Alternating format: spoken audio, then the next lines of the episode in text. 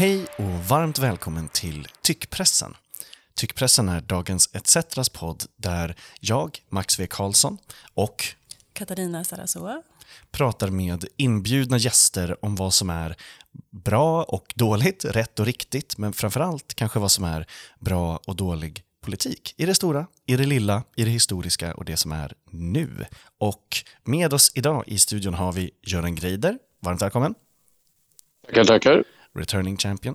Eh, Och Elisabeth Bränning, före detta antikvarie på Stadsmuseet. Varmt välkommen. Tack.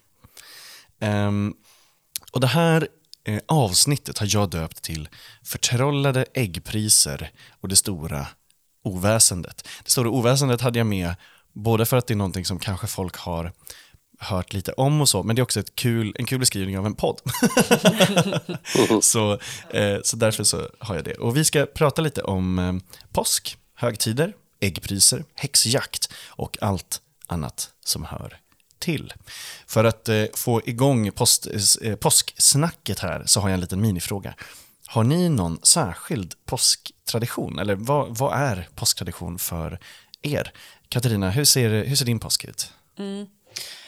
Påsk för mig är att äta mat med familjen och eh, bara ta det lugnt. Jag är uppvuxen katolskt, så långfredagen har alltid varit så här. Då får man inte festa, då ska man liksom... Och sen så har det blivit lite, liksom, ja, inte så viktigt. Men jag tänker fortfarande på det ändå.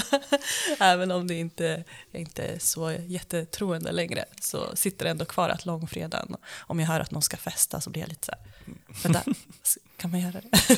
Jag läste en, en på eh, Twitter som är så eh, historier i, eh, historiker om bland annat påsken och traditioner och så. Han sa att han tyckte att eh, Judas får oförtjänt lite cred för den här fyra dagars helgen. så kan man se på det. Eh, Elisabeth, vad är påsktradition för dig? Ja, jag är uppvuxen i en prästfamilj. Så att den jag anknyter lite till dig. Och sen eh, sjunger jag i kyrkokör. Så att på långfredagen kommer jag att fira påsken precis som man ska i en avskalad kyrka i Värmdö med att sjunga Jesu sju ord på korset och lite Bach-koraler och sådär. Det tycker jag är, är faktiskt väldigt fint. Sen festar vi med barnbarnen och äter mycket god mat och, och ja, firar som de flesta tror jag. Jag fick gåshud när du sa det där om kören också. Jag är så, det, vi har redan pratat om det innan. Jag, jag älskar arkiv och bibliotek och jag älskar körer. Nu är det, just nu ligger du väldigt högt här i min, i min bok som programledare. Det, är- ja, det känns väldigt härligt. Jag får försöka värva dig sen. Ja men verkligen, verkligen. Jag är, jag är öppen Det är, ont om manliga så- det är ont om manliga sångare i körbranschen. Ja, Ja men precis, och jag är, Sorry. och jag är allt. Så att då, om ni behöver så, allt stämma så, ja det blir, det blir bra. Vi, vi smider redan vidare här. Eh, Göran, vad är påsken för dig? Vad är påsktradition och vad ska du själv göra? Ja, först ska jag säga att jag sjöng faktiskt i en kör i söndags. Eh, Jag blev uppkallad på scenen där efter att ha hållit något anförande. Och så fick jag st- ställa sig bland basarna. Och det var meningen att jag skulle sjunga, vara med och sjunga på någon sydafrikansk kampsång. Eh, Det gick inte alls bra kan jag säga. Men, men, men det var ganska roligt att stå där och känna basarna omkring mig. Så, ja, ganska häftig grej. Nej, men för mig är det väl ändå så att eh, påsken är en, framförallt en familjehögtid eh, och väldigt stillsam också. Eh, på något sätt har det blivit så med åren att den stora händelsen är att vi åker på konstrundan i Gagnef kommun. Mm. Alltså, för det, jag tror att det är så över hela Sverige att eh, konstnärer ställer ut under påskhelgen. Man får komma hem i deras ateljéer och titta och så här. Eh, och vi brukar åka en ganska lång sväng genom kommunen här och till slut hamna återigen i Dala-Floda där jag befinner mig. Och där är det så att en ekonom, ekonomijournalist som jag känner brukar ställa ut sina konstverk. Så vi brukar avsluta med att diskutera marknadsliberalismen på påsken i ungefär en timme. Så, här. Det så låter att det är väl påsk. Ja, det är ganska bra. Eh, Nu, nu blir det lite annorlunda med hunden. Den är lite oberäknelig. Men, men, hon ligger bra här i alla fall nu. Ja. Gud vad bra. Eh, Min omedelbara följdfråga om kören var, eh, finns ditt inspel i de här sydamerikanska, eh, sydamerikanska kampsången inspelat? Finns det på band? Ja, det var sydafrikanska. Sydafrikanska. I- Jag tyckte sa att... Ja. Det, gör, det finns väl på skiva till och med, tror jag. Falu fredskör Eh, jag tror att de har givit ut eh, CD-skivor och så. här. Det kanske ligger någonstans. Eh, men, men inte med mig med. Då. Fast de har tonsatt några av mina dikter, så det är därför som jag har varit där ibland. Eh, men det är mäktigt att stå i en kör, det måste man säga. Även om man sjunger dåligt så, så är det en fantastisk känsla. Jag har sagt, jag har dryftat det i podden tidigare, att jag är ju svag för när människor gör saker tillsammans, nästan oberoende av vad det är. Eh, Ja, och det, då- är sant. då- det, det där är sant. Ja. Och då är kören så väldigt bra exempel på det. Men även bara så stora Nej, applåder. nej, nej, nej, nej. Är oj. bråk. Jäklar, jäklar. Ja, ja. Det är ingen Ja, fara. nej, hon, eh, Lisbeth var på väg ner där. Det är verkligen ingen Nu är fara. hon förbannad. Okej. Det blir, det blir roligt att höra i podden också. Ja. Eh, vänta, jag ska försöka... Ja, ingen fara. Ingen Ska du, stress. mår katten? ska du ta ut den eller? Okej, jag, jag håller den. Vänta. Eh, Ingen stress En sekund bara. Ja, ingen fara. eh, hör, hörru Janice, kom. Hon heter Janice efter Janis Joplin också. Underbart. Nu har jag henne. Göran har Får du tag på Janis. henne? Vad fan gör vi då? då? Ja, men några... Katten eller hunden Hunden. ja, nej, men hu- katten ville gå ut, men eh, så fick ju hunden syn på henne. Eh, jag går ut i köket, okej. Eh, ja, ni, jag kan fortsätta prata här. Ja, det låter Kom igen. Janice. Ah. Ah, gud, jag förstår att du blir matt. Alltså just det, är ju- alltså hundar när de eh, i ett vardagsrum får syn på en katt, alltså en främmande katt. Det, det är som om ett jetplan snurrar runt i lägenheten. Alltså. Ja. Från en eld till en eh, annan då. Ehm, Vad så- hade du för påsktradition? Ja, just det. Tack Katarina, tack. Jag var nära på att, att, att skippa min egen. Ja, men jag, ehm, jag brukar vara i Norrbotten med min släkt på påsken. Eh, I år så ska vi inte vara där, utan vi åker dit på midsommar istället. Men vi brukar vara så några mil utanför Arvidsjaur eh, i en bagarstuga. Eh, jag brukar ligga raklång på en så bäddsoffa och äta diverse.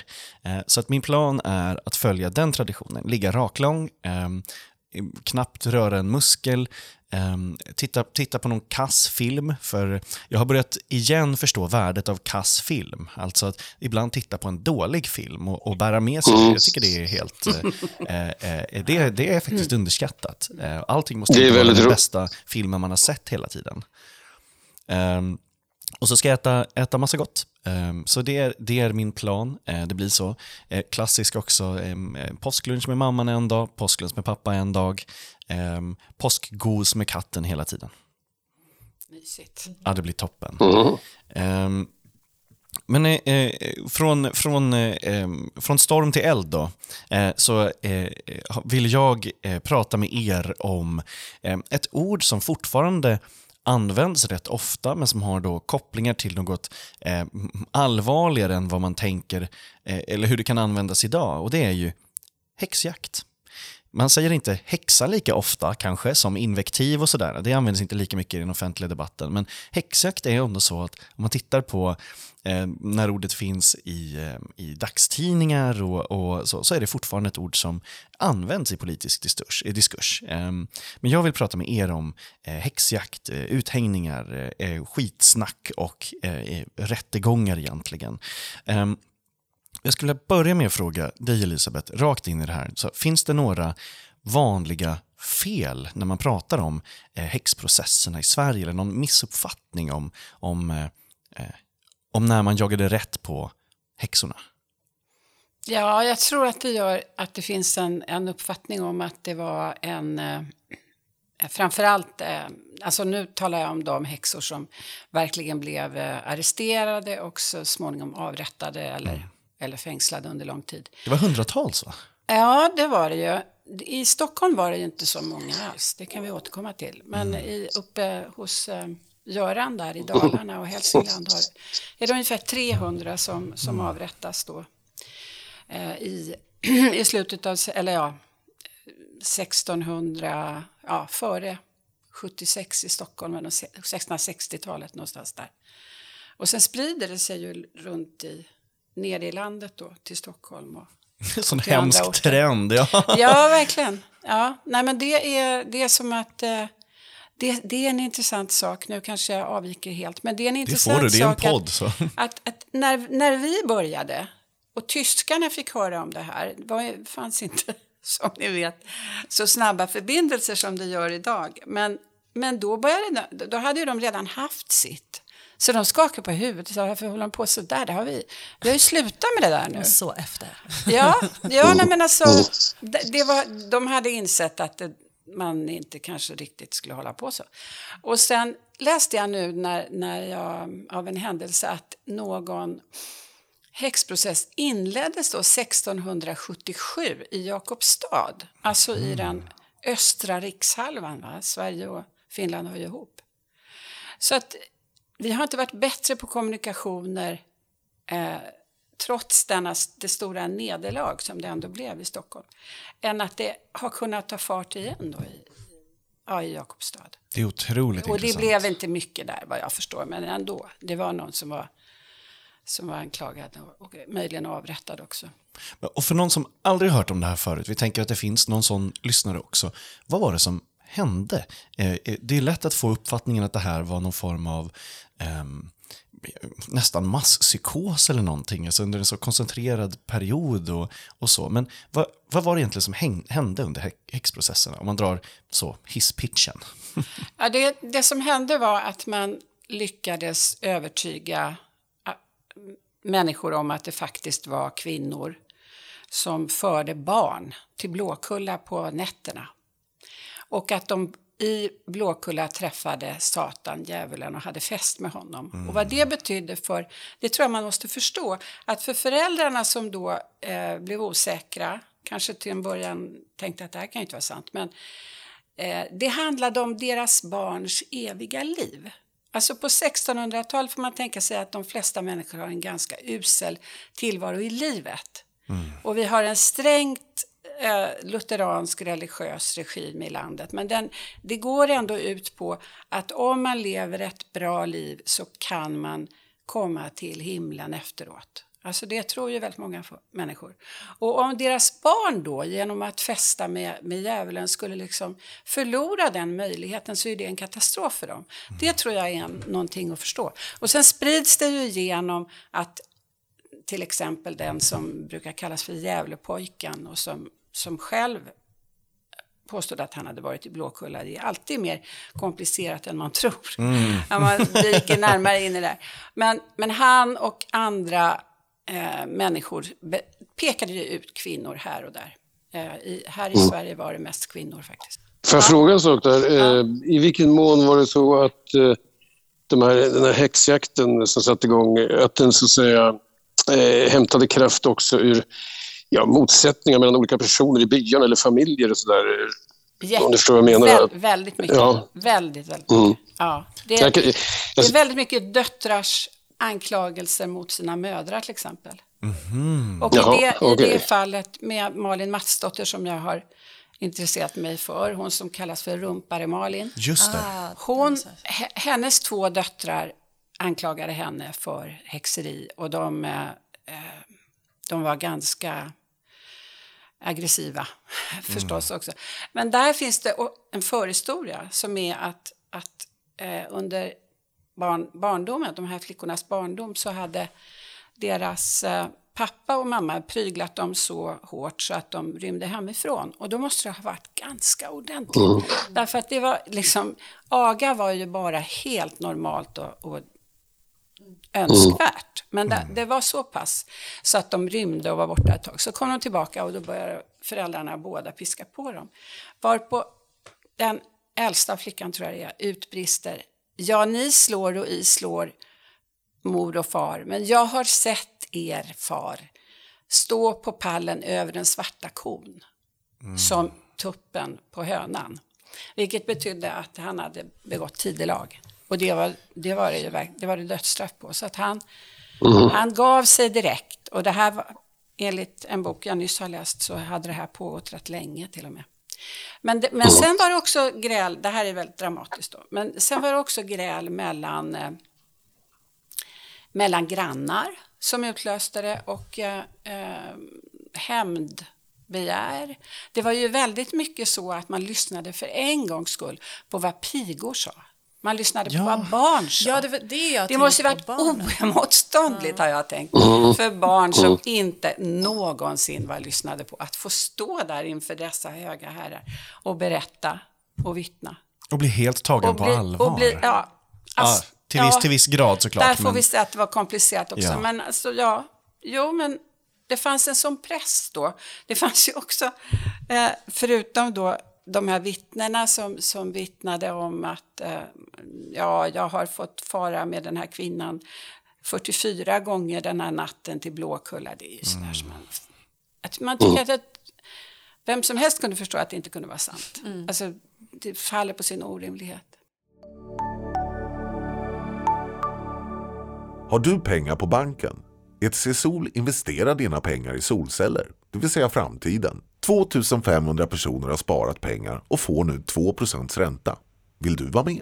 Läs mer om hur du sparar på E etcsol.se. Det är så otroligt intressant. det För, är Eh, men- och det är ju så att det finns en hel del sparat från det här i Sverige, eller hur? Alltså om vi pratar så, arkiv och, Ja, och en, en ja, hel del dokumentation. det gör och, det. och att det är därför vi har kunnat Ja. följa upp mycket bakom. Vad, vad, är det som, vad är det som finns? Varför sparade man det? Det är protokoll. Det är domstolsprotokoll och de finns eh, faktiskt på någonting som heter Stockholmskällan som jag hoppas alla känner till. Som är en sajt där man kan se bilder och eh, texter och allt möjligt om Stockholm. Och där finns de här eh, protokollen och då är de från 1700-talet. De är inte helt lättlästa men de går att läsa. Och sen finns ju på Riksarkivet de ursprungliga protokollen som är mycket längre. Eh, och som är skrivna på 1600-talets svenska och då måste man ha lärt sig den eh, metodiken och det, det, har, det ska jag erkänna att det, de har jag inte läst. Jag har kunnat plocka ut vissa bitar ur dem och ge dem till en, en vän som faktiskt behärskar det här. Men, jag fråga en sak? Ja, jag, tänkte alltså, eh, man, tänker sig, man frågar sig själva den initiala händelseutvecklingen där. Eh, om man tar i Dalarna, i, på de platser det ägde rum. Var det så att det var först var någon präst som pratade om det här eller var det så att det liksom eh, folk hade nåtts av något budskap om att det finns häxor och Blåkulla?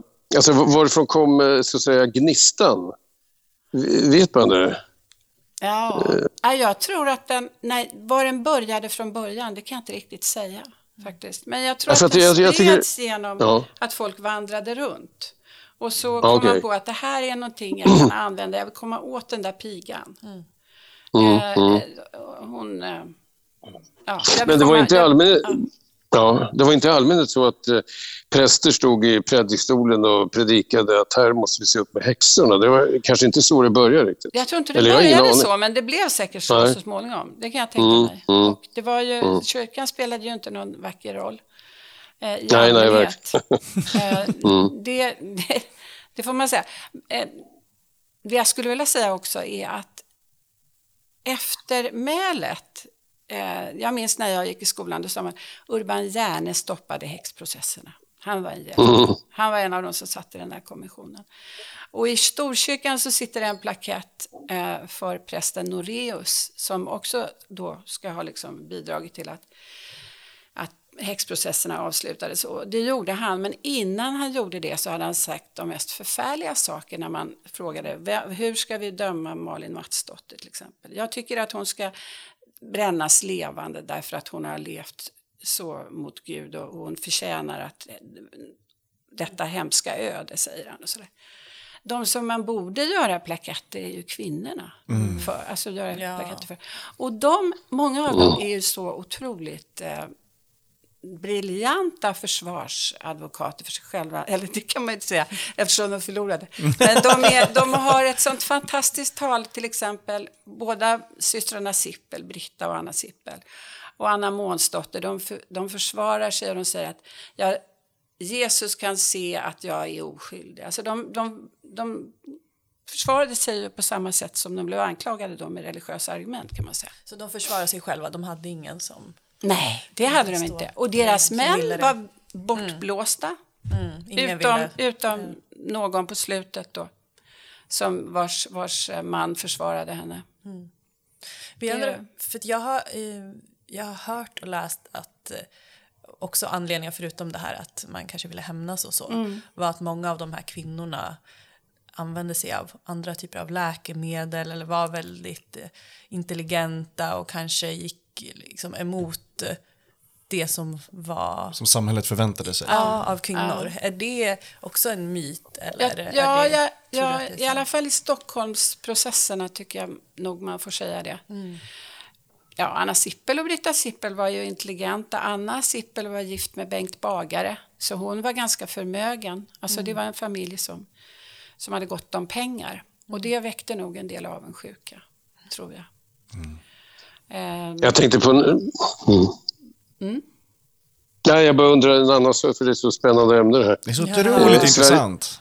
Ja, eh, Sverige hade ju varit kristet i, jag vet inte vad man ska säga, 500 år eller någonting, Ja, när det här ägde ja. rum. ja. Eh, Men det levde ju kvar, inte minst i periferierna i Sverige levde det kvar ganska mycket av till och med gamla fornnordiska föreställningarna. Men där fanns det väl inte häxor på det sättet? Gjorde det det? Eller det kanske det gjorde? Eh, Alltså, det Om du står- frågar alltså, ja. eller jag kommer inte Nej, jag har det, glömt bort hur det var på... Det fornnordiska är jag dålig på, det måste jag säga. Eh, Men, ehm, nej, men det står ju i Bibeln att en häxa ska du inte låta leva. Det är ett sånt där citat som Mm. ofta kommer tillbaka. Men, men jag tror faktiskt att, att den här tiden under 1600-talet, då var kyrkan så hård och eh, fruktansvärd, eh, obarmhärtig som den varken förr eller senare har varit. Men det är en gissning, det kan ha varit andra perioder. Men det känns som att man var tvungen att mildra kyrkans straff genom att ha, ha civila domare också som kunde, för annars skulle man kunna ju döma till döden för, för ett, eh, ett stöld. Och det funkade ju inte. Det skulle inte finnas några kvar. Just det. Så, Eh, Katarina, ett av skälen till varför vi pratar om det här i podden idag, det var ju för att när jag sa att vi skulle göra ett påskavsnitt så sa du omedelbart, då måste vi prata häxor. Va- varför tycker du att det här är, är, är intressant? Vad, vad, är det som, vad är det som intresserar dig med, med häxor och med häxprocesserna? Men jag tror att jag, därav min fråga också, har haft alltid den här föreställningen att häxor är liksom, visa kvinnor, äldre eller ja, behöver inte vara äldre, men eh, och som har som vet liksom jättemycket och har ja, så mycket visdom och så och fortfarande ehm, Ja, jag tror lite på häxor. Nu, Jag säger det. Kanske inte de häxorna som man pratade om då, som åker till Blåkulla. En annan typ av häxa. Ehm, och eh, ja, just det här.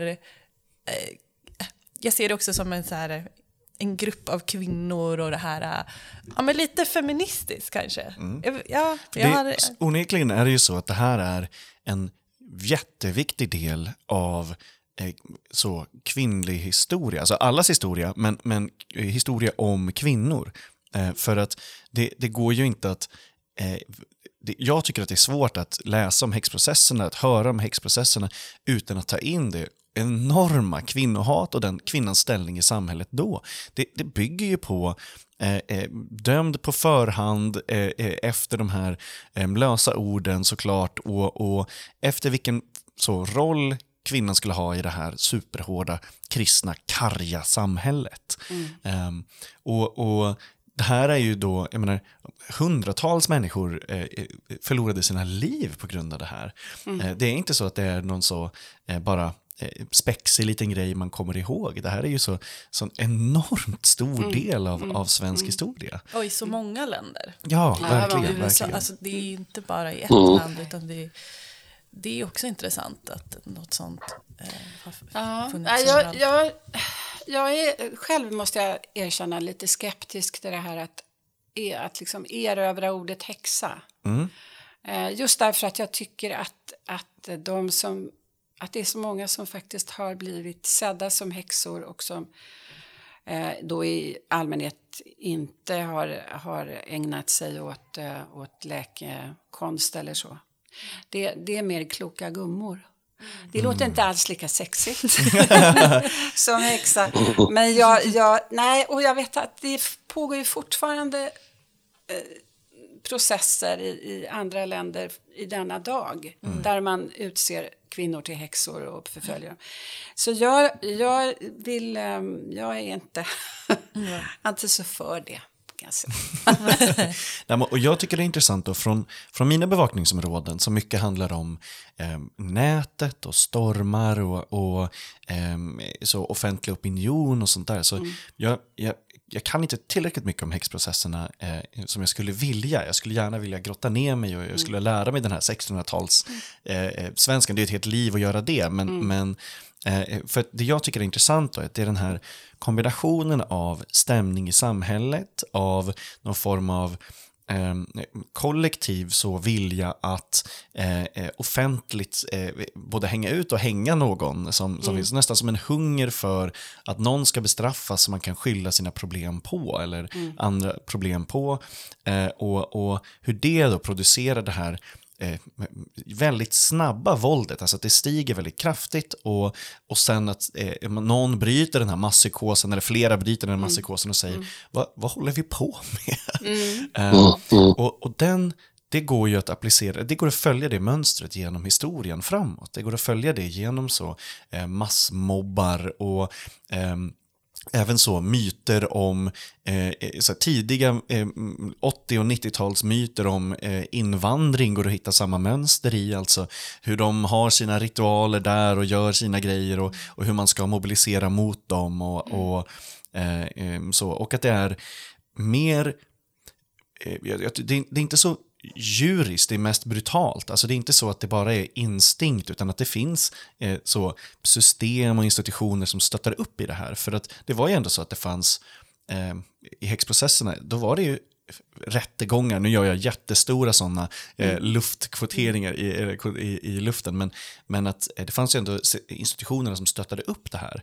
Eh, på samma sätt som att det har funnits då eh, poliser som, som tidigare i historien har ja, men gripit godtyckligt efter eh, vad, vad eh, samhällets opinion vill att man skulle göra. Eller så.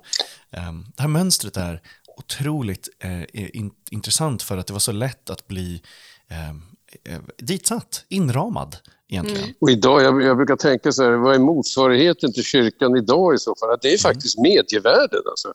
Eh, om man tänker på alla de drev som man har upplevt här de senaste ja, 20-30 åren.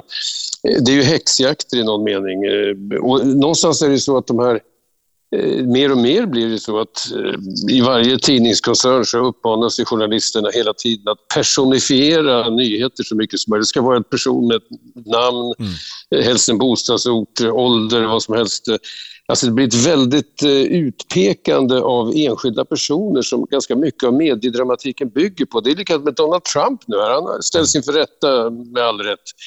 Men samtidigt finns det någon känsla av eh, en, en girig lystnad hos alla medieaktörer här när Trump eh, förs in här i rättssalen. Att äntligen har vi något att hålla på med. Liksom. Eh, Nu har vi en person här. Eh, Så det ligger liksom i... eh, Och då, och då är det ju samma logik, alltså att det, då är det motsättningar i själva samhället som exploateras på något sätt. Så blir det i USA när det ja, de som gillar Trump och de som avskyr honom. Eh, det utlöser en massa saker, den här häxjakt, eller ja, vi kan kalla det för häxjakten eller personifierade nyhetsrapporteringen. Eh, Så att i den meningen, eh, det kanske är så att om hundra år kommer vi titta tillbaka på låt oss säga 80, 90, 00-talet här och tänka varför höll vi på med alla dessa mediala häxjakter? Det är ju helt orimligt. Men det blir också intressant tar- då, för om man tar Ja. det där mönstret, då blir ju det så att det, det blir inte så värdefullt äh, egentligen då att ställa frågan hur kunde det här hända? För det har egentligen hänt jättemycket och jätteofta eh, eh, och, och att samma mönster faktiskt. appliceras på olika delar. Då blir det egentligen frågan, eh, hur får man stopp på det? det eh, så, Ja. n- när, när ska det ta slut? Eh, eh, för det är ju inte så att det är naturlag på något sätt. Men det här med, med kyrkans roll och medias roll är ju väldigt intressant. Skulle du hålla med om det Elisabeth? Alltså att, eh, det kanske var så att det var, ja det folk lyssnade på var ju kyrkan då helt enkelt. Ja, ja, fast det var ju inte... Jag tror inte man kan säga att kyrkan drev det. Det var någon slags folklig Nej. ilska som behövde ta sig ut någonstans. Det, var, det var, hade varit svältår och, och det var jag tror att det kanaliserades.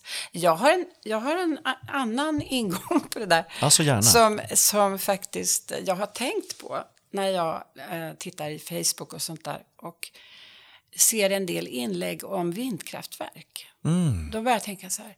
Det här är så, alltså de är folk som är fruktansvärt mot vindkraftverk.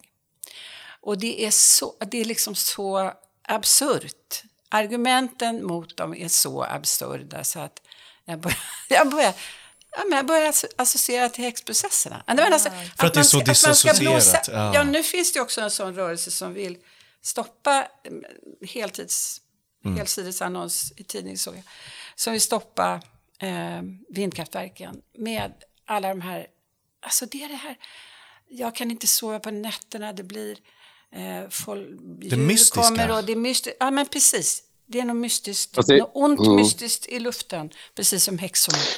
Det är Mm, nej, men det- jätteintressant. Vad säger du om det mystiska? Ja, det där, ja men det, så är det ju helt klart. Alltså, bara här i Dalarna har det varit folkomröstningar om vindkraften och sådär. Eh, Men då har jag ju noterat där att eh, ett skäl till att vindkraften eh, utnyttjas till nästan magiska syften här, det, det är ju detta att de som bygger de där vindkraftverken, jag tror det är Malung här nu då, det är ett jättelikt tyskt bolag som ingen kan nå men som har mycket pengar för att, för, för att delta i kampanjer för vindkraften.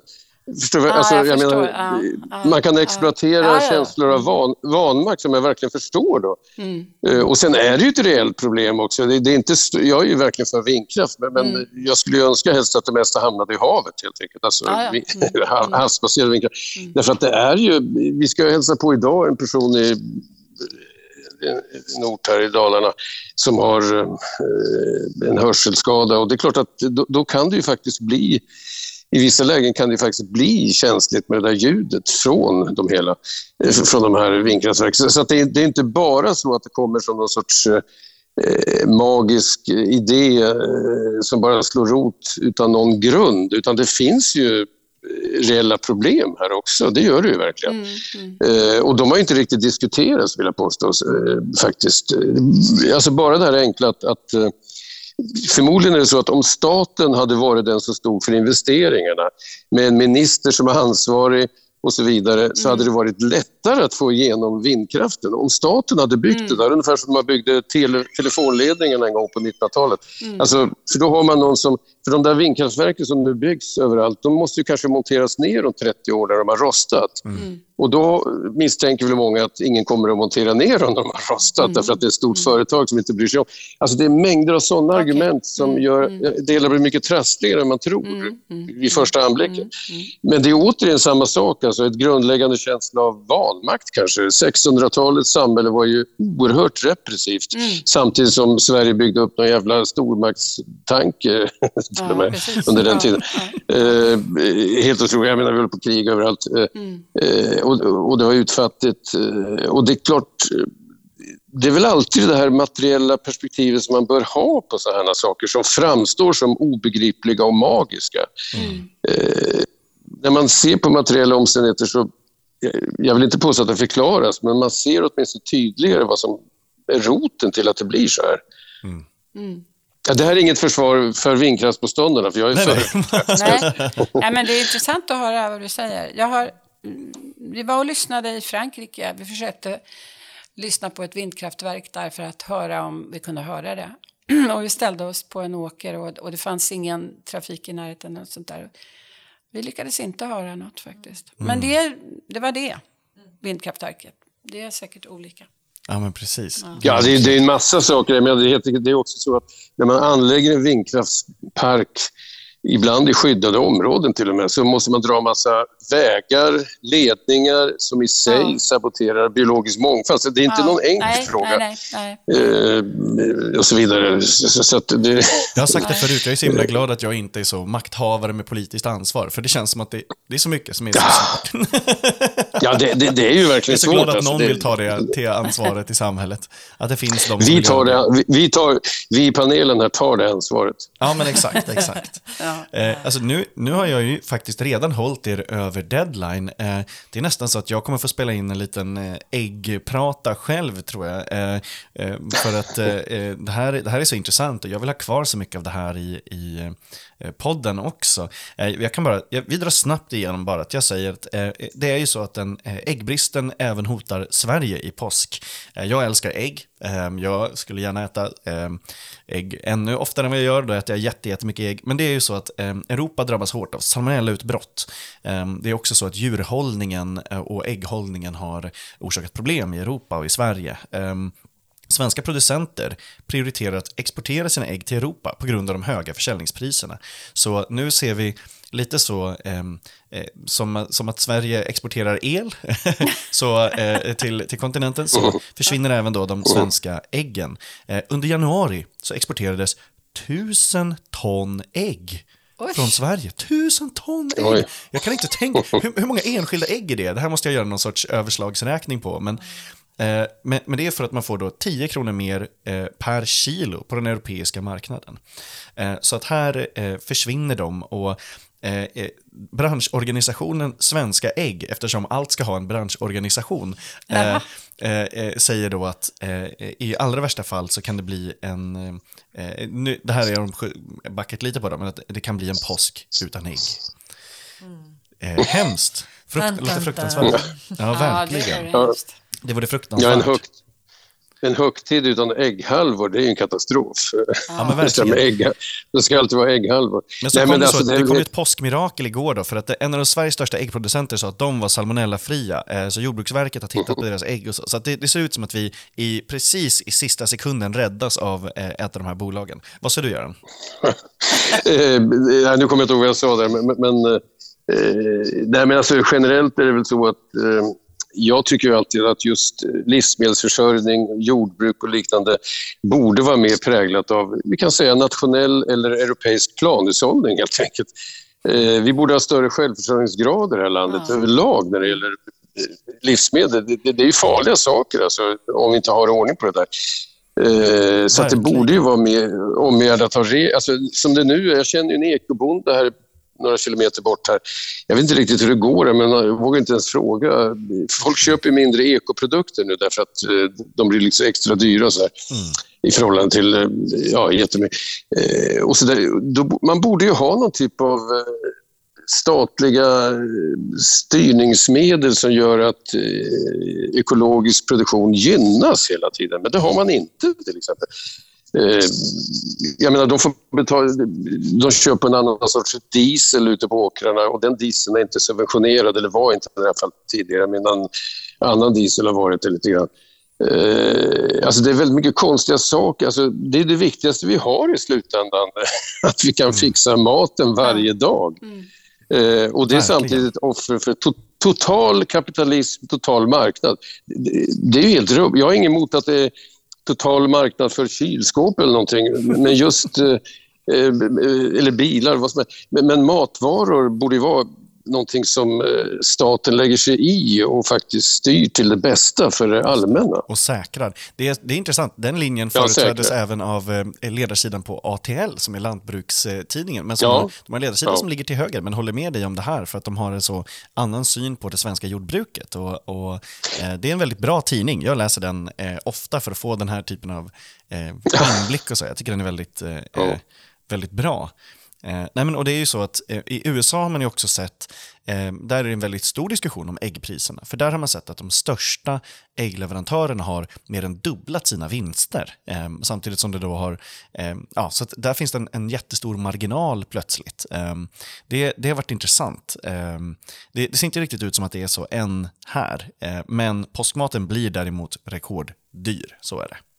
Och det är ju massa andra skäl också. Mm. Katarina, har du något du vill säga om ägg? Ja, jag hittade lite äggfakta, eller äggtraditioner. Jag vet inte om vi hinner dra det nu. Vi, vi avslutar podden med eh, de äggtraditionerna tycker jag. Så läs igenom dem så får vi eh, höra dem. Det här är första gången jag hör dem. Fyra snabba. Okej.